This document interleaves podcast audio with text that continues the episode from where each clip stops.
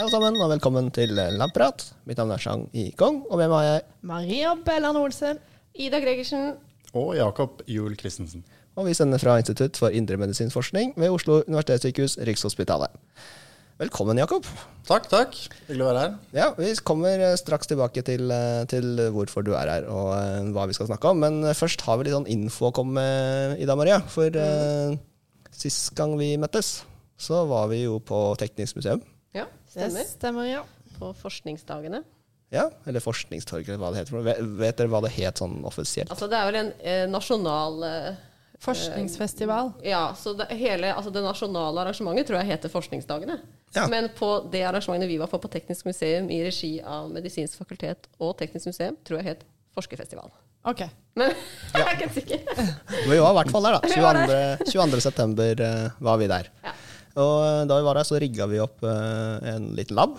Og det var veldig mange som kom for å snakke med oss og, og prøve laben. Ja, det var artig. Jeg for- fikk få snakke om makrofager og infarkt og eh, alt mulig rart ja, gjennom hele dagen. Ja, Du fikk dekka det behovet, føler du? Ja. Ja, absolutt. Jeg gjorde det. Og så fikk vi jo veldig masse spørsmål. Og vi tenkte at det var lurt å ta med studio for å få tatt opp noen av disse spørsmålene. Eh, Det var jo veldig gøy, og det var det veldig mange som syntes Ja, var artig å være med på. da. Mm, så vi har fått inn utrolig mange fine spørsmål som eh, vi prøvde å gi et kort svar på der og da, men som vi har lovet at vi skal svare eh, mer på sånn utover sesongen. da. Mm. Litt mer sånn eh, grundigere. Og noen ting visste vi jo rett og slett ikke svar på. Nei. Så Sånn da- er det. Ja. Så der har vi lovet å få inn noen, eh, litt ekspertise. Eh, så da er det bare å følge med. Men det, det morsomste, syns jeg, var at vi fikk eh, en eh, skoleklasse fra Elling... Aske? Nei, Ellingsøya. Å ja. Ja. Å ja, ja, de, ja. Mm. Mm, de var på klassetur, og så kom de innom. Så eh, forhåpentligvis har vi noen lyttere fra et litt sånn eksotisk sted på Sunnmøre som hører på nå. Ja, ja, det er gøy. Ja, men det kommer en egen spalte i episoden, der vi svarer på lyttespørsmål. Ja. Og så kanskje tar vi noen helt egne episoder basert på noen av spørsmålene. Det gjør vi. Men da skal vi kanskje introdusere dagens gjest eh, litt ordentlig. Det må vi. Eh, Jakob, vi kjenner deg jo eh, fra forskning. Eh, også til at vi forsker på noe som er så nært beslektet, så møtes vi altfor sjeldent. Ja, det er jeg helt enig i. Ja. Men kanskje, ja. kanskje, kanskje må be deg om å introdusere deg selv og hva du forsker på? ja, jeg heter da som sagt Jakob Jule Christensen. Jeg jobber borte på Avdeling for ernæringsvitenskap på um, preklinisk, eller Domus Medica. Um, og der uh, forsker jeg på hjerte- og karsykdom og uh, lipider, fettstoffer, um, og særlig arvelig høyt kolesterol og familier med arvelig høyt kolesterol. Og uh, ja, andre populasjoner, og barn og gravide og ammende og den type ting. Så du er generelt veldig glad i kolesterol. Kolesterol er, uh, det er, veldig, det er veldig spennende. Ja. Altså, for, eh, for oss andre som ikke er så glad i kolesterol, vil du forklare oss hva det egentlig er? Fordi alle hører jo om kolesterol i media. Altså man, eh, man hører om det hele tida. Og jeg må innrømme at jeg jobba her ganske lenge før jeg i det hele tatt skjønte hva det var. Ja. Kolesterol det er et lipid, altså et fettstoff, som eh, finnes bl.a. i alle kroppens cellemembraner. Og som eh, eh, har forskjellige roller i fysiologien. eh, både strukturelle og eh, ikke-strukturelle roller. eh, som eh, vi syntetiserer selv, altså vi lager det selv i kroppen. Alle kroppens celler kan lage det, men vi kan også spise det fra kostholdet. Så det har viktige biokjemiske og strukturelle roller i ja, kroppen. Ok, Så det er egentlig rett og slett bare en fettsyre? Det er ikke en fettsyre. Det er eh, et molekyl som har en, eh, flere ringstrukturer satt sammen. Er det fem eller seks ringer? Eh, og som er hva skal jeg si, det er amfipatisk, så det har en halvveis vannløselig, halvveis fettløselig del. Men så kan det estrifiseres til fettsyrer, såkalte kolesterolestre, og da blir det helt fettløselig. Og det kan det f.eks. lagres i forskjellige um, lipiddråper og fettvev og sånne type ting. Vi eh, snakker jo mye stygt om kolesterol i denne podkasten, med, med jevne mellomrom. Men uh, vi trenger det også i kroppen. Det er ikke sånn at vi kan ikke ha det. Riktig. Men kolesterol er ikke essensielt. Det er ikke et essensielt næringsstoff. Så vi trenger ikke spise det for å overleve. Så eh, vi kan syntetisere, altså vi kan lage det selv i alle kroppens celler, på en måte. Men eh, problemene med kolesterol oppstår ofte hvis det blir for mye av det, eh, og gjerne på konsentrerte områder, eh, sånn at det f.eks. kan utkrystalliseres og skape betennelse. Da. Det er jo midt i blinken for hva vi forsker på, egentlig. Mm. Vi har vel snakka litt om det når vi har hatt episoden vår om åreforkalkning, i hvert fall. Så tror jeg Mm. vi kom inn på kolesterol og kolesterolkrystaller, da. Mm. Ja, det har, ja. Og da har vi snakket om celler og sånn.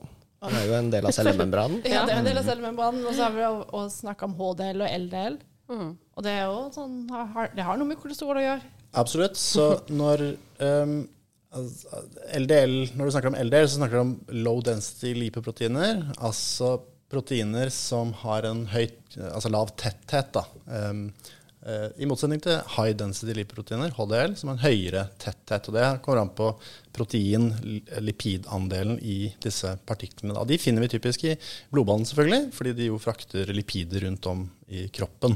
Altså fra et organ eller en type celle til, en, til et annet organ og andre celler. Og de typiske transportrutene går da fra eh, leveren eh, eller fra tarmen ut til perifert vev, og så kan de enten da tas opp eller, eller gi fra seg lipider, eller eh, sirkulere tilbake til leveren for reopptak. Da, kan du si. Så det er en måte å transportere lipider på, egentlig. Ja. Og så pleier jeg å ha en liten huskeregel for meg sjøl at HDL, det er hu hurra.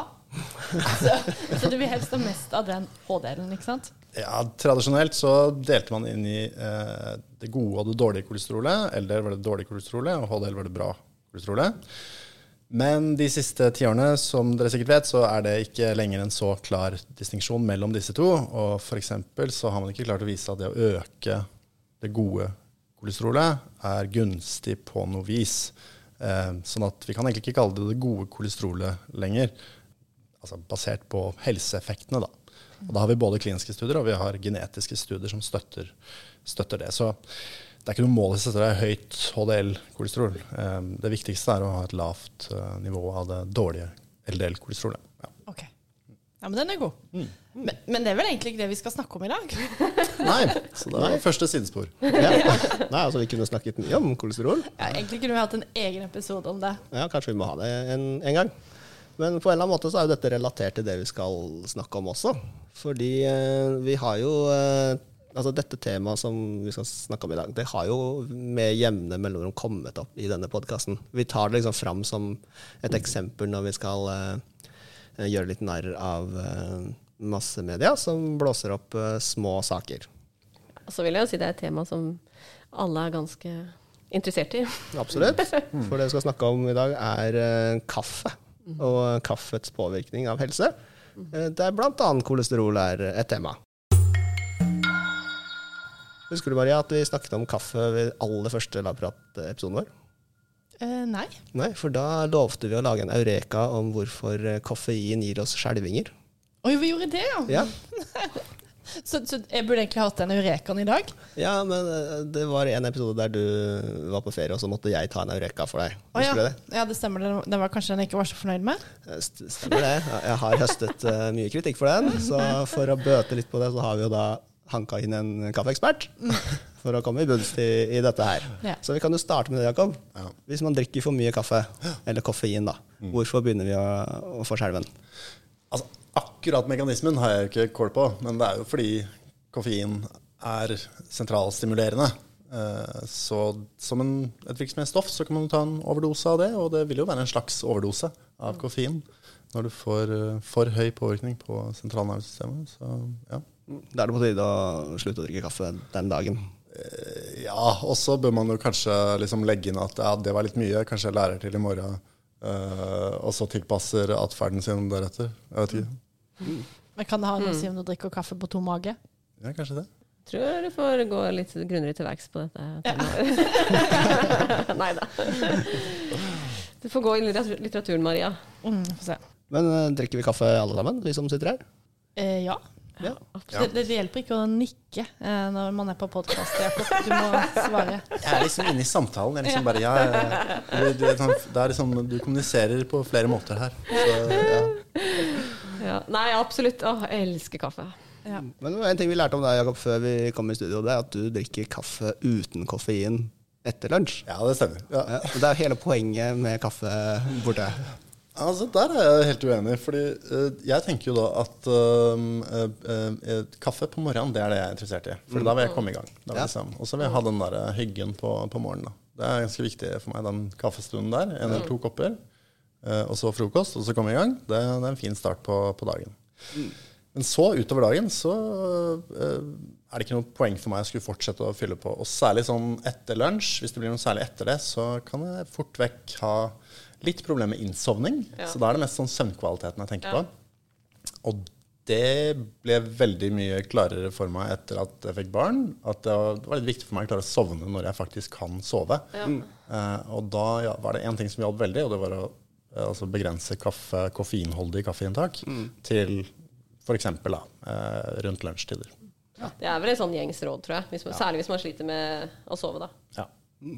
Så det, det er Og det ikke så ute, veldig. utesjang, men Men, ja, Men det, det som kanskje er litt ute, er jo at jeg da faktisk uh, kan finne på å lage meg koffeinfri. Ja, ja, Eh, det er litt sånn spesielt, uh, kanskje, men det er hyggelig også å ta en kopp kaffe på kvelden etter middagen. Og, Ja, ja, ja. ting, Det smaker jo godt, da. Altså, Det er ikke sånn at man bare Og så kanskje man får litt sånn placebo-feeling, da. Ikke sant? Liksom, Den eh, kosefølelsen. Og jeg, altså, jeg har også koffeinfri kaffe i skapet sjøl. Du har det, Ja, ja? Ja, òg. må ikke sitte og le av det. Har, dere, det alle sammen? Ja, men det er, det er liksom de, jeg på å si de to gangene jeg har vært gravid. da Mm. Det er da jeg liksom må drikke koffeinfri kaffe. For jeg, altså, jeg, drikker altså, jeg kan drikke så mye kaffe. Så det er akkurat da jeg følte at jeg må begrense meg litt. For det er liksom anbefalt å ikke Nettopp. drikke så veldig store mengder da. Så da har jeg absolutt måttet ta koffeinfri kaffe. Altså. For det, jeg har ikke vært sånn som bare jeg har ikke lyst på kaffe når jeg er gravid, jeg, sånn som folk sier. Jeg har liksom hatt nesten mer.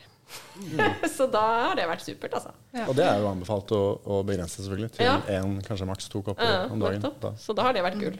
Selv om det var vel en studie som var ute i media for litt siden at uh, man ikke klarte å finne den sammenhengen med for mye kaffe og eh, var det spontan abort som man hadde sett? Jeg så at det var en studie som uh, liksom mulig kunne liksom Ja, var litt sånn kontra på det. Men jeg har ikke lest den, så jeg skal ikke si noe om det. Nei. Da må vi ta en ny, enda en ny episode om det. Nei da. Ja, nei, jeg kjenner heller ikke akkurat den. Men FHI vil jo anbefale at man begrenser det, i hvert fall. Mm. Så, basert på større samleanalyser. Men siden dere drikker koffeinfri kaffe alle tre, eh, vet dere om eh, den kaffen inneholder alt annet? Altså Har de bare tatt ut koffeinen? Du mener koffeinfri kaffe? Ja, Har de bare fjerna koffein? Altså Er alle andre bestanddeler fortsatt der? Eh, Jakob? Det. Eh, Det er, det er et godt spørsmål. Det vet jeg faktisk ikke. Men eh, ja, jeg vet ikke helt hvordan de gjør det heller. Så eh, jeg har ikke noe godt svar. Men eh, du, altså, i teorien så er det jo koffein de har eh, tatt vekk. Men du kan jo se for deg at andre stoffer Mm. også blir litt endret i samme slengen. Men eh, det gjelder i hvert fall ikke lipidene. Lipidene vil nødvendigvis være der på samme måte som, eh, som koffein. Altså fettstoffene. Ja, fettstoffene. Mm. Mm. Men for det, det, det vi egentlig Eller det du lurer på Det fins jo veldig mye forskjellige stoffer i kaffe. Mm.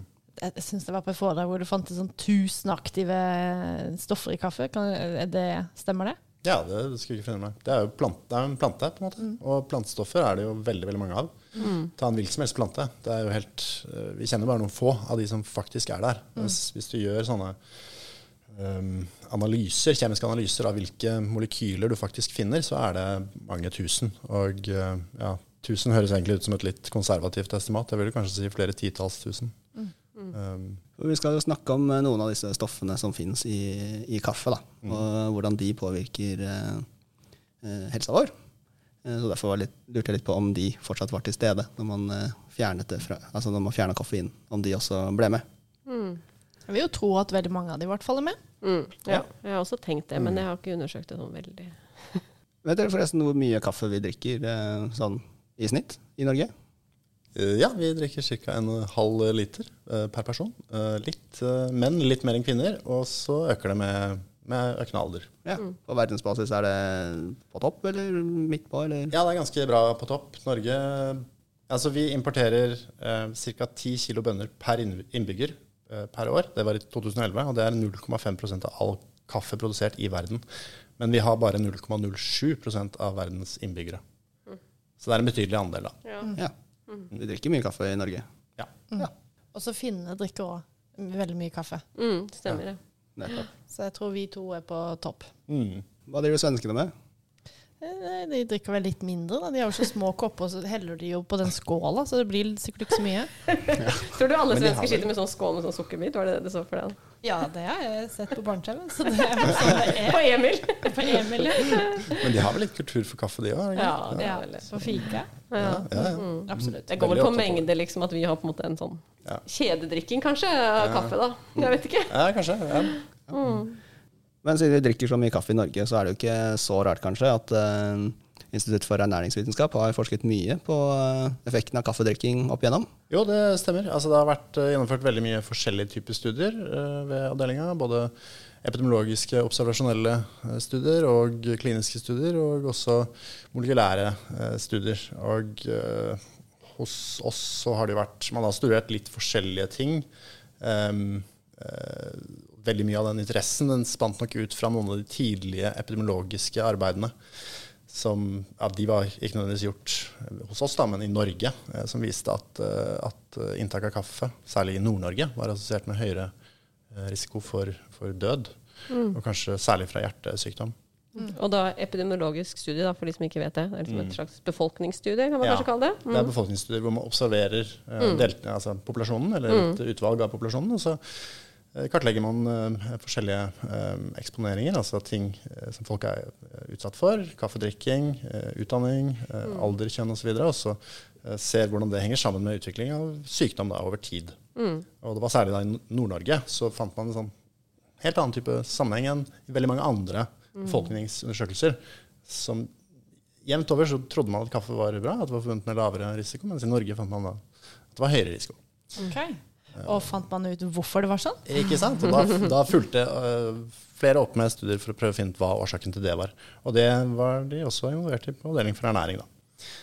Og eh, da gjennomførte de bl.a. kliniske studier, eh, og så på, på effekten av kaffeinntak på, på altså risikofaktorer for hjerte- og karsykdom, kolesterolnivåer, sånne ting. Og også en del mekanistiske studier. Celleforsøk etter hvert, og dyreforsøk. Og hva var svaret? Hvorfor er det så Hvorfor får de i nord eh, hjerteproblemer når de drikker kaffe? Så det de landa på til slutt, det var jo at eh, altså, eh, bearbeidingsmetoden var ganske avgjørende. Mens uh, uh, i Nord-Norge, altså andre steder, så tenderer man til å bruke et filter i kaffen sin. Mens i Nord-Norge så lar de kaffen på en måte bade nede i det varme vannet, sånn at alle stoffene i, eh, i kaffen kommer ut i selve kaffe, eh, kaffen, da. Eh, inkludert eh, fettstoffene. Okay. som det er mye av også i, i kaffebønner. Så, ja. ja, beklager, de lager rett og slett mer kokaffe i Ja. nord, Ja. enn, eh, og så lagde de filterkaffe eh, andre steder. Det var selvfølgelig det jeg ville fram til. Eh, så så, når, når da det varme vannet i kokekaffen, når det varme vannet er i kontakt med kaffebønnen over lang tid, så vil det da føre til mer lipider. Og eh, disse lipidene, særlig de terpener som kalles kaffestol og kaffeol, kommer ut i kaffevannet, så vil vi også få det i oss. Og eh, ut av alle disse plantestoffene som finnes der, så er de kanskje akkurat de vi ikke ønsker. Fordi da har man skjønt at de øker kolesterolet, og de gjør det gjennom eh, å endre leverens evne til å fjerne kolesterol fra blodet. Ja. Så i en sånn studie, når eh, dere finner at det er pga. fettstoffene, de heter kaffestol og Kaviol. kaviol, Ja. er det sånn at dere da tar med disse stoffene, isolerer de, og gir det til f.eks. mus, og ser hva som skjer? Er det det som er gangen i dette her? Det kan være en del av det. Um, musestudier kan være litt sånn vanskelig når det kommer til kolesterolmetabolisme, men man kan selvfølgelig bruke enkelte genmodifiserte mus for å, for å se på kolesterolomsetning og se hvordan kosthold påvirker det igjen. Men du vil også gjerne bruke um, celle, eh, cellemodeller, da, og gjerne da fra lever, eh, leverceller. Og det var det de også gjorde eh, back in the days, hvor de da utsatte leverceller i kultur for disse fettstoffene, da, og så at de påvirket bl.a. uttrykk av LDL-reseptoren, altså den reseptoren som fjerner eh, LDL-partiklene, eller det skadelige, eh, dårlige kolesterolet, fra blodet. Da. Ok. Sånn at det da hoper seg opp i blodet i større grad enn det ellers ville gjort. Ok, Men så, så når du bruker filter, da, da renner du såpass fort gjennom, og fettet blir igjen? Det er ikke det at det renner så fort, nødvendigvis, men fettstoffer tenderer å binde seg til papir. Um, så da vil det rett og slett bare binde seg fast, og så kommer det ikke gjennom på andre siden av papiret. Ok. Så dette, det er litt ledende spørsmål, da. Men det vil jo da også være det samme som, eh, som det er for kokekaffe, som for disse kapselmaskinene og espresso, sånn caffè latte du kjøper ute, alle disse tingene der. Ja, ja, er helt riktig. Så du kan si kokekaffe, den laget på den skandinaviske måten, er kanskje den eh, Verste. verste. Ja, ja. Ultimate mm. som, eh, til, til å øke kolesterol, i hvert fall. Men så kan du gå liksom nedover, og så finner du espresso og, og litt sånn andre, andre varianter. da. Hvor Som, ligger presskannet presskanne i løpet her, da? Presskanne vil være i midten der et sted, det også. Okay. For da vil jo vannet være helt i kontakt med, med kaffen. ikke sant? Um, men, men du vil dra vekk litt av eh, disse fettstoffene. For de tenderer til å fest, samle seg på toppen ikke sant? av en sånn vanlig fase, som Ja. kaffe er. Og når du da presser den ned, så fjerner du fysisk noe av det. Men du fjerner det ikke helt. Så ja.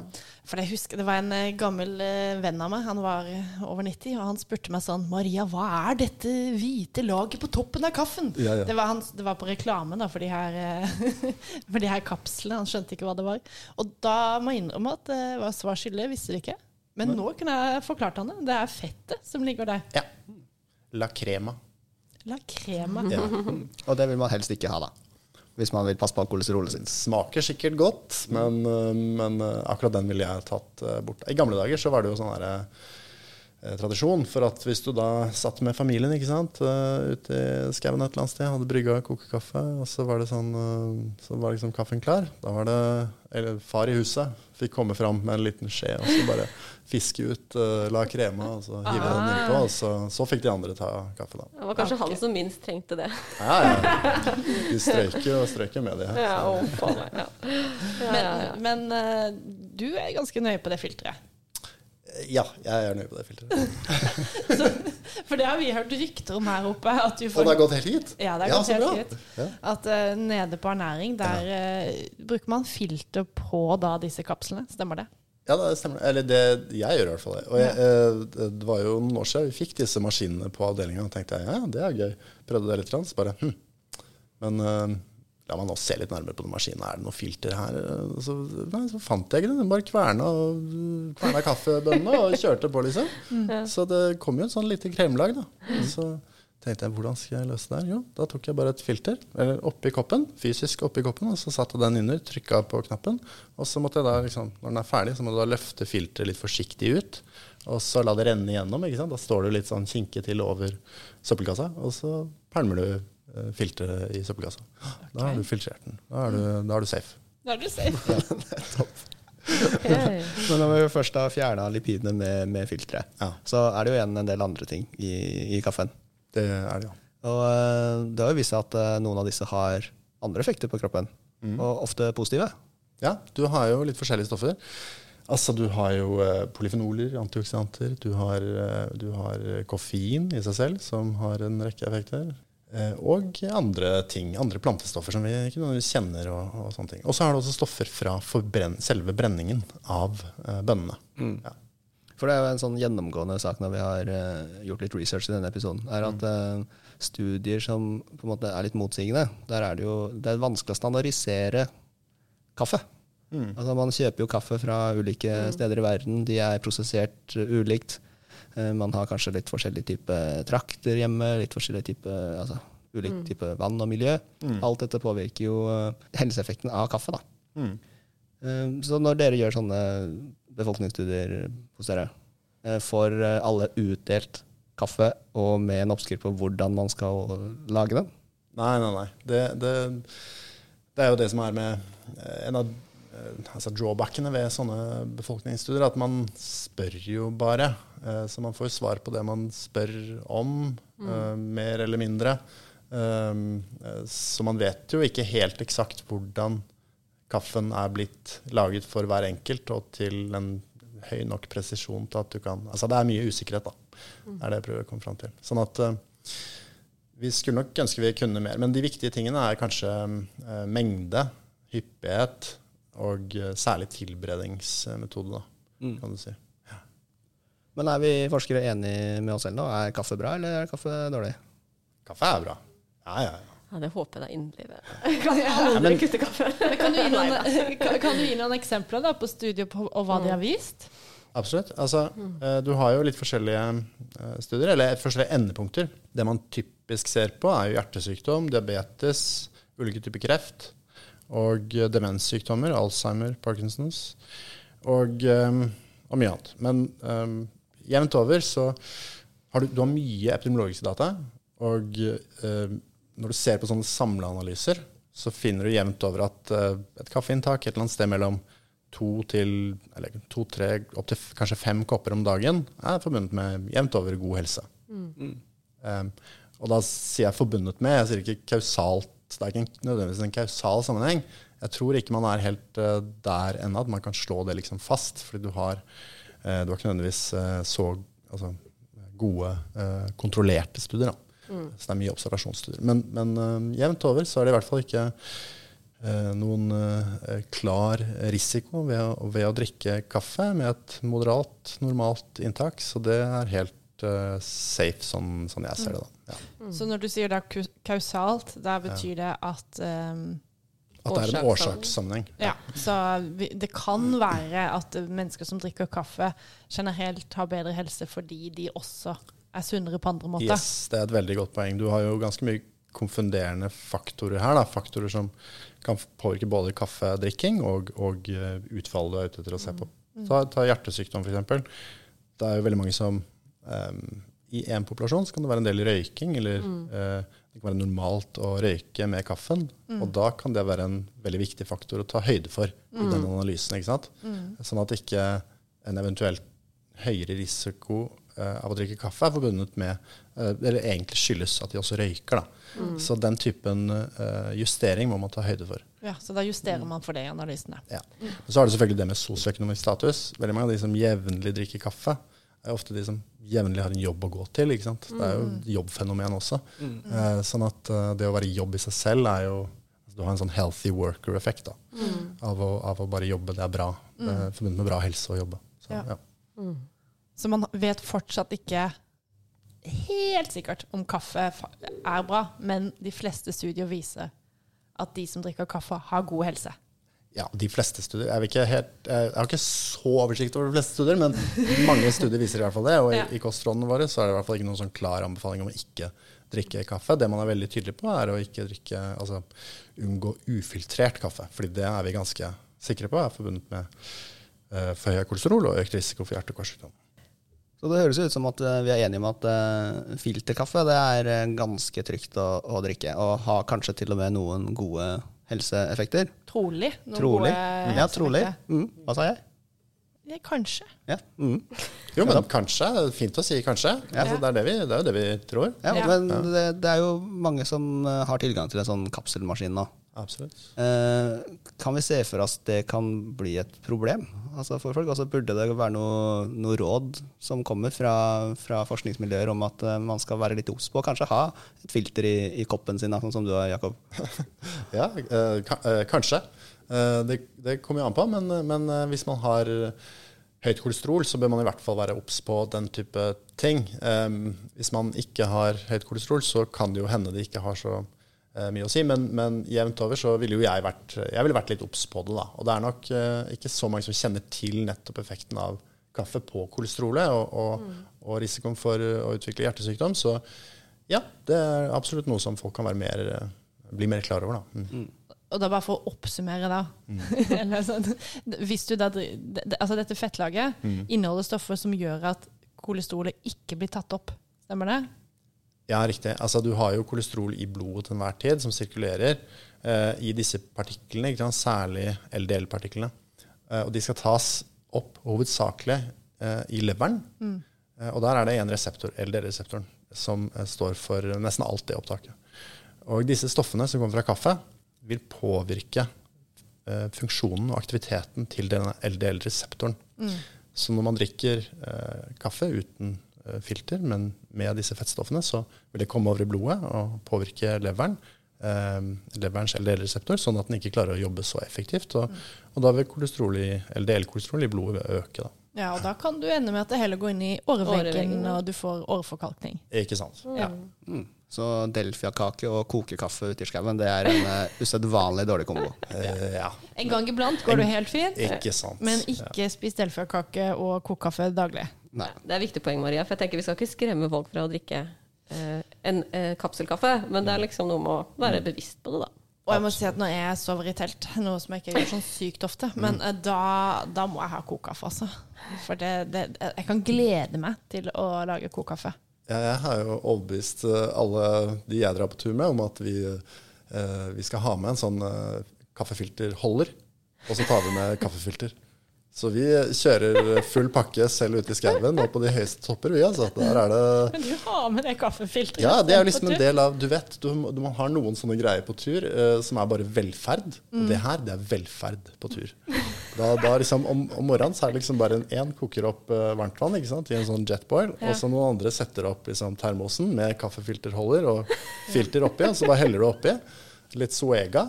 Og så er det bare å fyre på. Så da, okay. Og så står du og heller. ikke sant? Da heller du i sånn rolige sirkulære bevegelser, og så lar du det synke ned, og så nytt varmt vann over. Og så.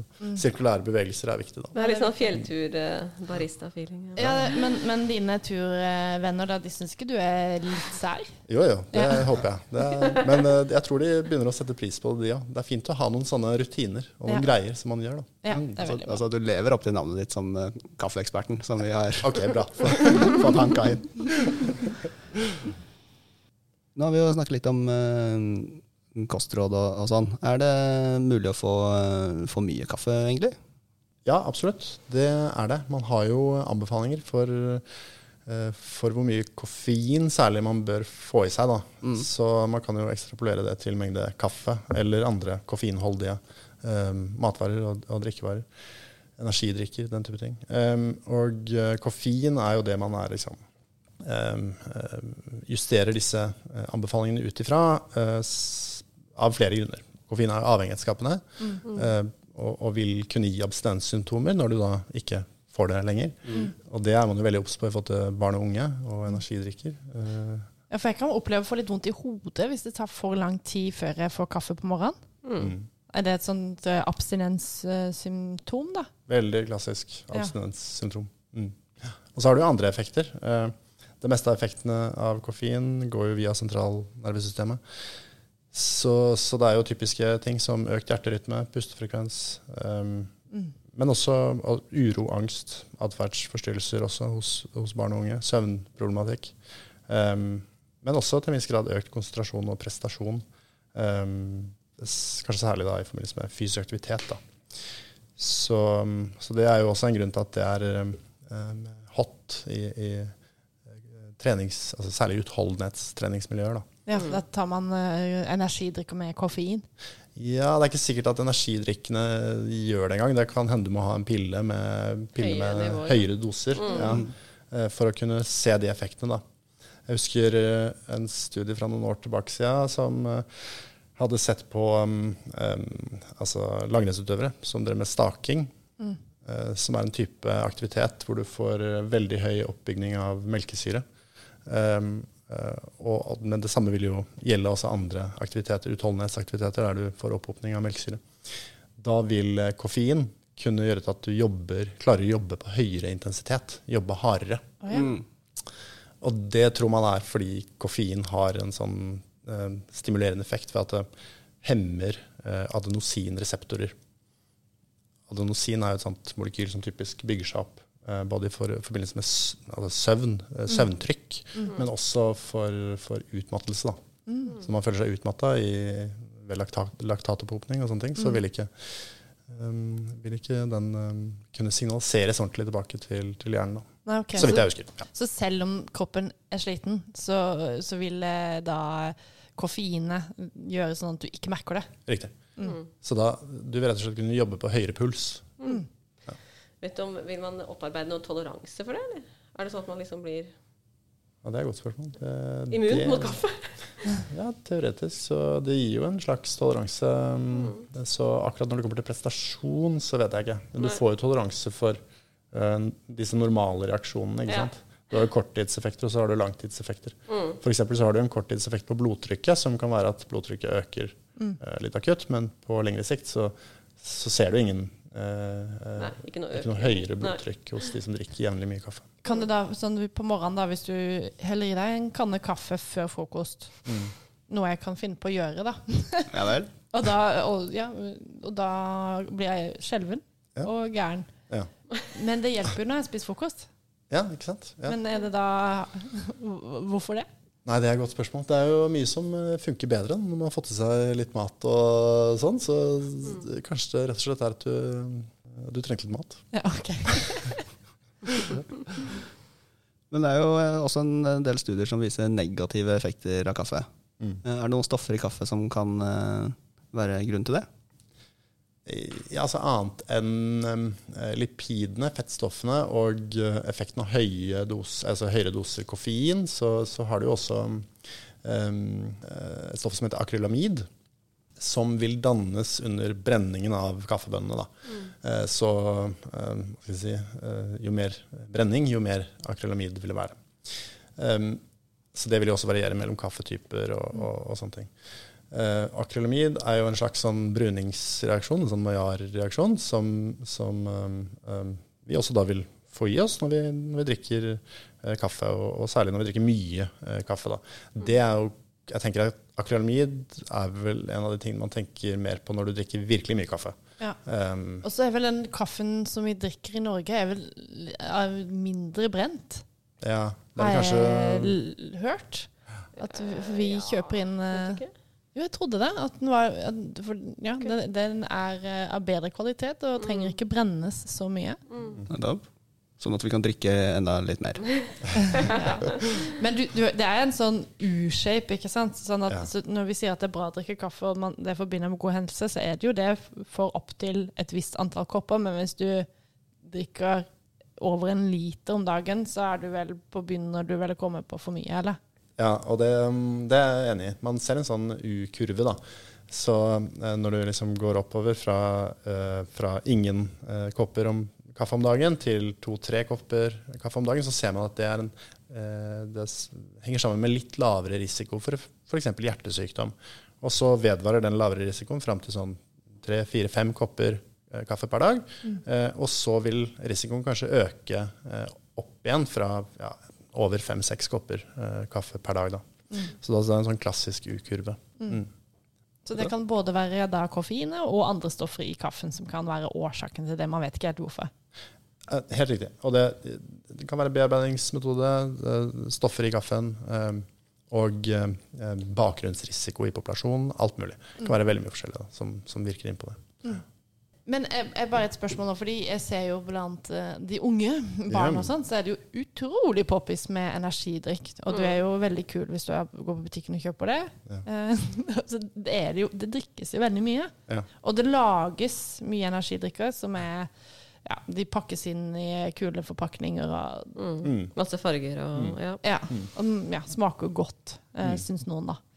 Uh, men ikke, kan ikke det der være ganske problematisk? Jo, absolutt. Og da er kommer vi tilbake til det med mengde koffein, kanskje særlig. da. Altså, Energidrikker generelt vil jo inneholde veldig mange forskjellige stoffer. Koffein er jo ett av veldig mye som de putter i disse energidrikkene, eh, eh, og kanskje det mest problematiske. Du har selvfølgelig sukkerinnhold og, og sånne ting. Det er jo omtrent like mye sukker som i vanlig brus, så det er jo basically eh, brus med, med andre ting, sånn som koffein. Så du har jo overvekt og fedmeproblematikk i tillegg. Hvis du ser kun på koffeinet, så vil jo det også være en Energidrikker energidrikke kunne være en betydelig kilde til, til koffeininntak hos barn og unge, og det, det er det. De har gjort sånne undersøkelser på hvor mye man får i seg. Mattilsynet bl.a. Har, har gjort det. Um, hvor mye koffein fra energidrikker barn og unge får i seg. Da ser de at gjennomsnittlig inntak det er ganske greit, egentlig. Det er ikke så eh, innmari problematisk. Ikke noe uh, rope varsko om. Men uh, for enkelte storedrikkere så kan du komme opp i ganske eh, høye nivåer. Da.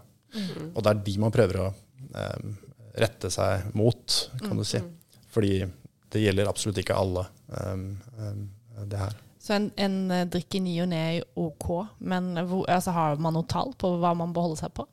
Nei, du kan si altså som med alt annet i, i ernæring og toksikologi generelt. Altså dose og hyppighet uh, er jo det som gjelder. Da. Så det er helt fint å uh, unne seg både kaffe og energidrikk en gang iblant, uh, uten at det er problematisk. Samme med brus. Det er helt greit å drikke brus en gang iblant. Mm. Uh, men det bør ikke være en, en, daglig rutine og en stor kilde til energi- eller koffeininntak. Nei, ja, men den er god, da vet vi det. Ja. Men uh, helt til slutt, hva syns vi smaker aller best uh, med kaffen? Jeg syns kaffe passer til det meste, jeg. Nei da.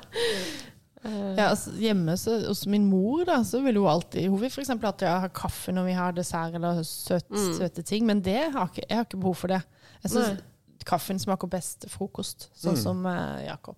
Ja, nei, jeg, jeg, ja, kaffe først. Nå, ja, nå har jeg liksom begynt med det, men jeg tror det var etter jeg fikk barn. Så var det sånn Jeg spiste alltid frokost først, før jeg fikk barn. Nå er det mer sånn Nei, jeg må bare i hvert fall ha kaffe. Og så får frokosten komme sånn litt etter de andre har liksom Ja, ja. fått et eller annet i seg. Ja, ja. Men eh, frokosten kommer ganske tett etter, da. Men ja, kaffe først, så det må liksom være det første. Og så ja, jeg drikker det jevnt hele dagen, jeg altså. Men, og jeg er til og med sånn som Jeg er glad i kald kaffe, da. Nei, nei, nei, ikke liksom iskaffe, men kaffe som har stått. Og det vet jeg er sånn skikkelig sær greie. Så jeg kan bli sånn skuffa hvis jeg kommer hjem fra butikken, og så har liksom samboeren min tatt kappen. Da jeg bare Men jeg hadde jo kaffe igjen! Jeg gleda meg til den, liksom. Ja, ja, så det Ja, ja. Så jeg er litt sånn alt, altetende når det gjelder kaffe, kan du si. Mm. Så lenge det er kaffe. Ja.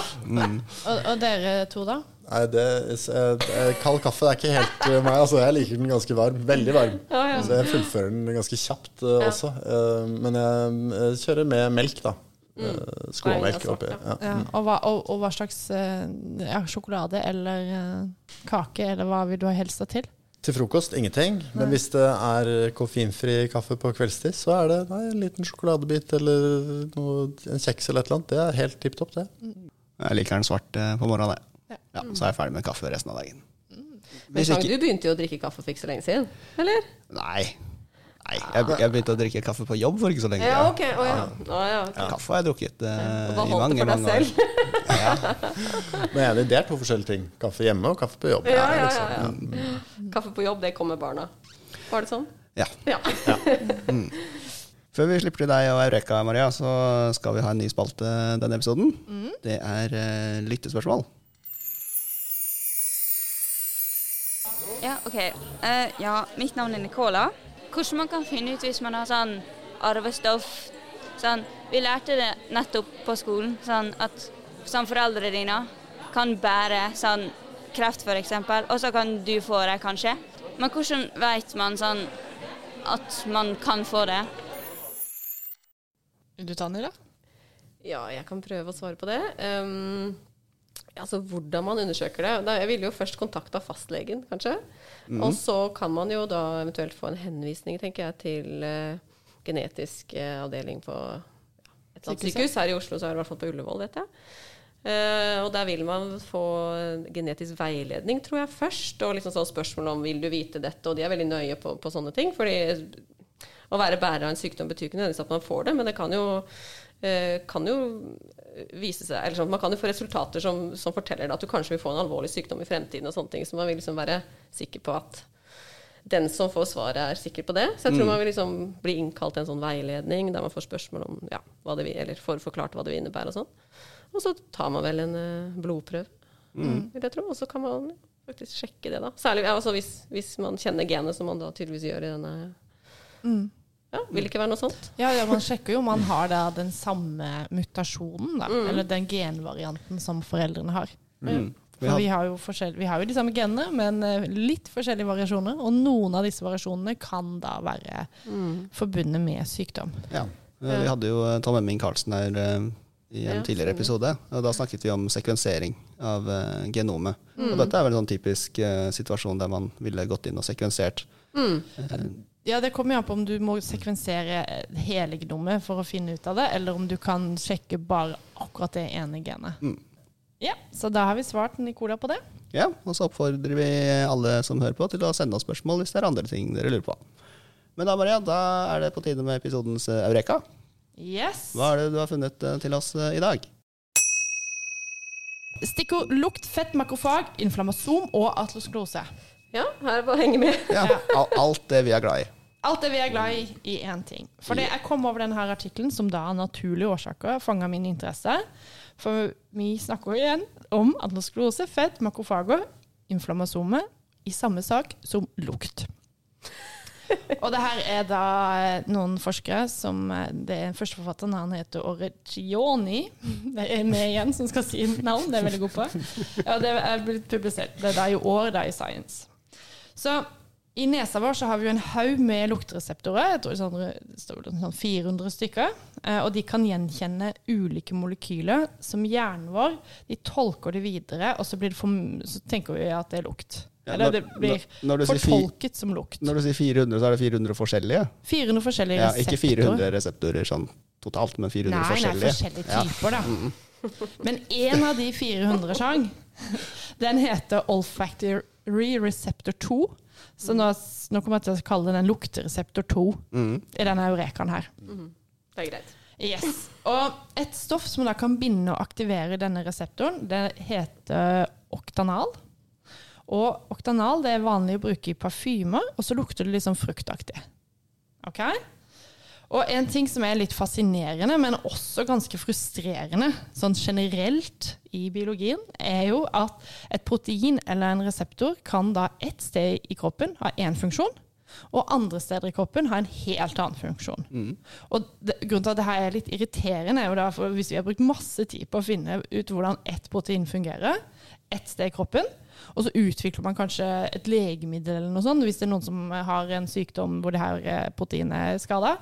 Og så når du da prøver ut dette, denne medikamentet, så funker det ikke. Fordi at et helt annet sted i kroppen så har dette samme proteinet en helt annen funksjon, som man ikke visste om. Så det skjer jo veldig ofte. Men da skal jeg da fortelle om denne eh, luktereseptor 2, fordi man har funnet ut at den har en annen funksjon. Okay. Altså, jeg lukter at dette blir en lang eureka. Det har vi vært borti før. ja, det kan bli en litt lang Du lukter det, altså. Ja. Men det blir en litt lang eureka. Ja, ja, men det tåler vi. Nei, så det viser da at denne luktereseptor 2 det er en sånn reseptor som har en annen funksjon. Og oktanal den kan mer enn å gi en opplevelse av lukt. Så eh, oktanal den kan i åreveggen kan den aktivere luktereseptor 2, føre til betennelse og senere gir, og, og da også gi årforkalkning. Wow. Så, så vi har luktereseptor 2 i årveggen. Ja, nå kommer det her. Eh, For først da, nå skal jeg forklare hvordan det skjer. Eh, For oktanal det dannes når fettmolekyler peroksideres. Altså, det skjer når vi har masse oksidativt stress. Sånn eksempel hvis du røyker, så vil du jo få mer oksidativt stress da, i karveggene dine. Og forskere, de, de her forskerne som har gjort det studiet, de mener at oktanal kommer fra oksidering av LDL-kolesterolet. Som vi har snakket litt om i dag. Nettopp, nettopp. Og da hadde jeg tenkt å si at det var det dårlige kolesterolet, Jakob, men det, det, det ikke, vi kan ikke si det lenger. Det er helt riktig. Ja, Men det, det er i hvert fall LDL-kolesterol, ja. Og sånn da, For å oppsummere hva som skjer eh, da i en årevegg med mye oksidativ stress, så vil luktereseptor 2, som sitter inne i makrofagene Nå kom de makrofagene med, altså de spisecellene. Det sitter inni der. Og når oktanal binder den reseptoren, så aktiveres inflammasomene inni makrofagene. Og det gjør de her cellene om til en betennelsesfabrikk. Og da spyr da disse cellene, eller makrofagene, ut betennelsesstoffer, og andre immunceller kommer til, og du da, starter da en sykdomsprosess, eller den fortsetter sykdomsprosessen, sånn at du får videreutvikla årforkalkning eller aterosklerose. Så summa summarum, jeg, er på, er jeg på enden av denne, så er da oktanal en fruktig eh, liten luring som både kan gi velvære gjennom lukt og sykdom. Så det er da helt avhengig av hvor molekylet befinner seg. Men altså bare sånn, jeg tror, jeg tror ikke det er sånn at eh, du kan gjennom parfyme få eh, årforkalkning. Det, det var bare det jeg tenkte å konkludere med på slutten her. Ja. Jo, tusen takk, Maria. Det var en morsom eureka. Skjønte dere den? Absolutt. Ja, absolutt. jeg tror jeg skjønte at jeg har luktereseptor i mine makrofager. Mm. Og den luktereseptoren har jeg også i eh, lukteceller i nesa mi, Mm. som eh, begge kan registrere oktanal. Mm. Eh, I nesa så kjenner jeg en god lukt. I makrofagene så spyr det ut betennelse. Helt riktig. Bra Så da, da lurer jeg da på um, hvorfor gjorde man ikke bare noen genetiske studier for å sjekke om, uh, om de assosierte med god helse eller dårlig helse i utgangspunktet? Du, det er sikkert en oppfølger, det. Å ja, ok. Ja. Det kan jo du også sette i gang hvis du vil. Ikke sant? For det her er jo en veldig vanlig typi, altså en typisk ting man gjør i, i farmakologisk uh, forskning. At man gjerne sjekker genetikken for å se om det er en robust, et robust funn i genetikken. Om, om eh, variasjon i dette molekylet eller reseptoren eh, er der. Og så, så går man inn og, og sier at ja, ok, vi har kanskje noe å jobbe videre med her. Og det kan godt være det er det allerede, men det har jeg ikke sjekka. Ok. Yes, tusen takk, Maria. Veldig morsom Eureka. Yes. Og med det så skal vi takke for oss, men vi må kanskje minne våre lyttere om at dere må følge oss. Ja, absolutt. På Facebook, Twitter og Instagram.